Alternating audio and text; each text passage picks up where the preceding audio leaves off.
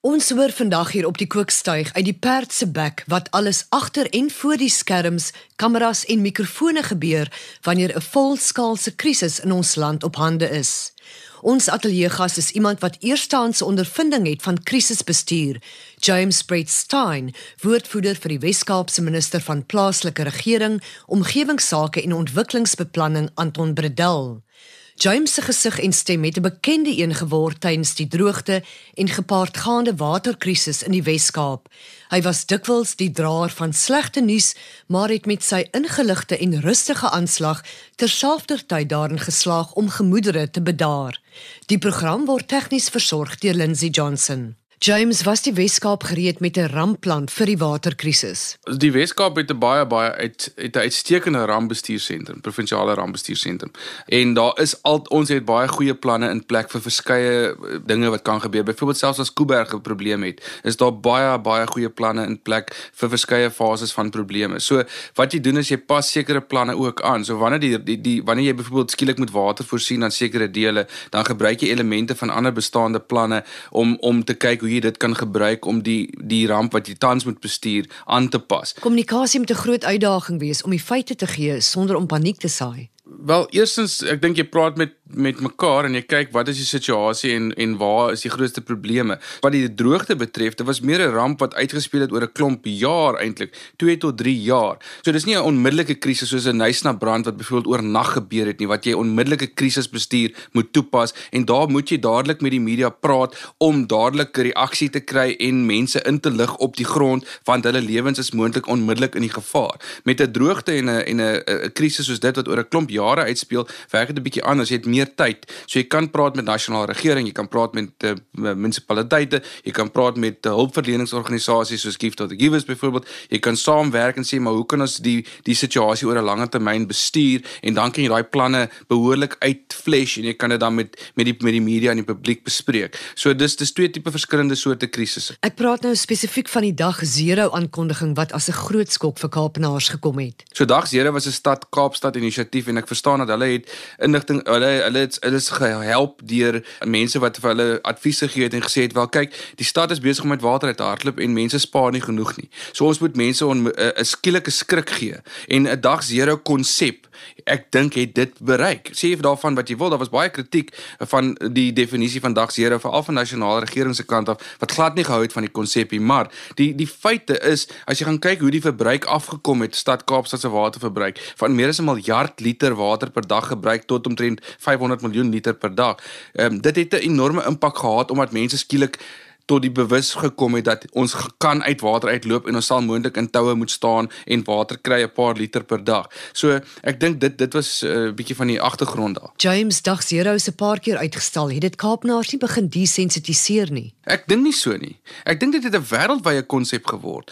'n Dag 0 om actually te sê daar's 'n datum wat 'n stad moontlik uit water uit kan loop. Die die onmiddellike impak van die, ons was omtrent 800 900 miljoen liter toe hulle dag 0 ingebring het en dit het baie baie vinnig afgegaan na omtrent 500 toe en dit het nooit weer opgegaan terug na 800 toe nie. So al was dit daar 'n bietjie uitgeskuif, ek dink dit het mense ook meer gerieflikheid gegee dat dat ons dit dophou, dat dat ons die situasie monitor so wanneer dit bietjie uitgestel word dan kon hulle sê o, okay, dit maak sin, daar's bietjie meer water hier of daar. Waterbeperkings is nou weer verlaag. Eh, die Kaapenaars is nou weer op vlak 5.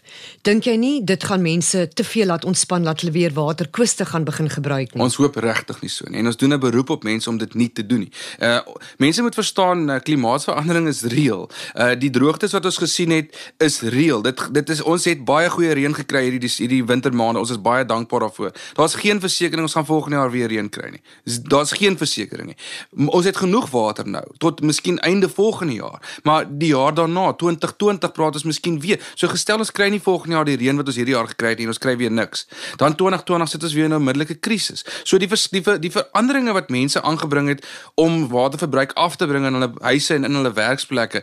Hulle moet kyk hoe hulle dit permanent kan maak. We need permanent behavior change, permanente gedragsverandering, langtermyn gedragsverandering. So as jy water in 'n emmer in jou shower hou en is 'n moeite, ek doen dit self en jy gooi dit in jou toilet. Kyk of daar 'n manier is wat jy dit miskien met 'n pyp 'n stelsel kan ontwikkel oor die volgende jaar. Jy het nou, daar is nou tyd. Ons het breathing room gekry om die waterbesparingspraktyke wat ons in ons huise en ons werksplekke het, om dit makliker vir ons te maak oor die lang termyn. Jy gaan wen, die gemeenskap gaan wen, ons gaan almal wen en ons moenie ons moenie dink dat dat die droogtes is weg vir altyd nie. Nee, die volgende droogte lê weer om die draai. Jy die Nysna brande so vinnig genoem. Ons gesels hoeka volgende week daaroor. James, wat is die mees doeltreffende manier van kommunikasie met die media? Ek dink my ervaring daar was gereelde kommunikasie. So met ander woorde, elke paar uur het ons 'n verklaring uitgestuur en ons het met mense gepraat. En en dan jy's jy, dis verbasend in 'n krisis soos daai hoe vinnig die media na jou toe kom en dan versprei hulle dit. So gereelde kommunikasie, al is dit net 'n sin of twee of 'n paragraaf of twee wat jy uitstuur aan 'n verspreidingslys en dan jy sit dit op jou sosiale media, jy sit dit op jou op jou webtuistes van jou provinsiale regering van jou munisipaliteite en dit versprei dan van self en dan sal jy verbaas wees om te sien hoe vinnig die die media na jou toe kom.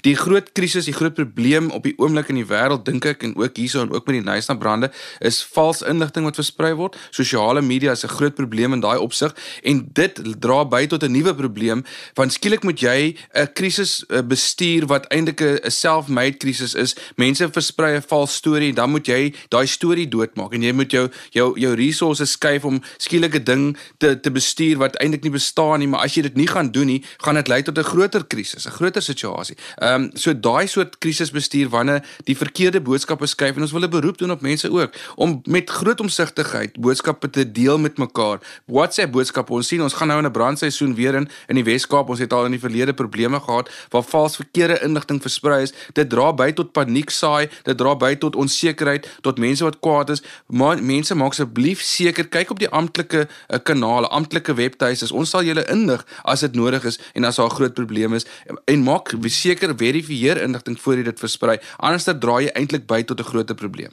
As jy nou terugdink aan die droogte James, watter aspekte van julle kommunikasie was doeltreffend en watter nie? Van die provinsie se kant af was die kommunikasie al ek nou self so redelik goed. Ons het gereelde kommunikasie bulletins uitgereik en gesê dis die situasie, dis waar die probleme is, dis wat ons doen om dit aan te pas. Ehm um, 'n uitdaging met met kommunikasie is daar is 'n klomp mense betrokke by die bestuur van 'n enorm komplekse situasie soos 'n provinsiale ramp. Jy het nasionale regerings se kollegas, jy het uh, munisipale kollegas stad Kaapstad se mense byvoorbeeld en dis soms moeilik om uit dieselfde mond uit te praat en al die stukke bymekaar te bring en 'n en 'n een eenvormige boodskap uit te reik. So soms kom daar ehm um, inligting uit wat nie noodwendig pas nie, dan dra dit by tot mense wat die, tot die publiek wat die mekaar is en wat sê maar die ouens weet nie waarvan hulle praat nie. Maar so ek dink dis dis die grootste uitdaging is om seker te maak almal wat betrokke is by die bestuur van 'n situasie soos 'n bestuur van so 'n ramp dat ons uit een mond uit praat en min of meer dieselfde boodskap uitsit op dieselfde tyd. Ek dink dis die grootste uitdaging geweest. Dit moes vir julle ongelooflik geweest om te sien hoe Kaapenaars begin saam staan en saamwerk en innoverend raak. Ja, absoluut, natuurlik. En en almal se se bydra, die media, ehm um, verskeie radiostasies wat groot inisiatiewe gedryf het. Soos wat jy uh, kommunikeer oor 'n saak, dan neem dit ook 'n lewe van sy eie aan en almal begin kommunikeer daaroor in uh,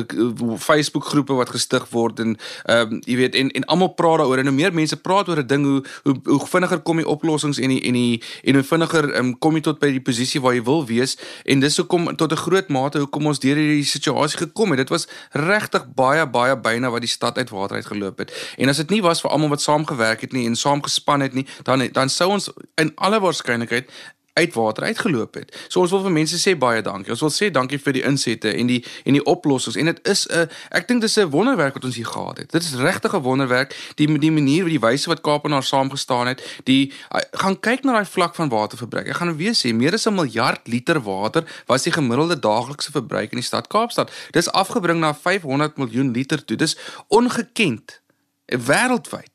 Dis 'n fenominale ding wat hier gebeur het. Dit was James Brainstein van die Wes-Kaapse regering. Die Chinese woord vir krisis bestaan uit twee karakters. Die eerste beteken gevaar en die tweede geleentheid. Met ander woorde, soos John F Kennedy gesê het, wees bewus van die gevaar, maar ook van die geleenthede wat 'n krisis bring.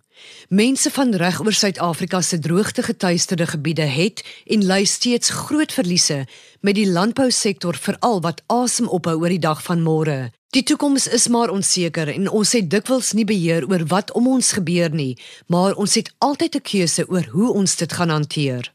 Die program word ondersteun deur die Wes-Kaapse Departement van Landbou. Ons groet tot volgende week. Onthou die aarde is kosbaar, kom ons bewaar dit.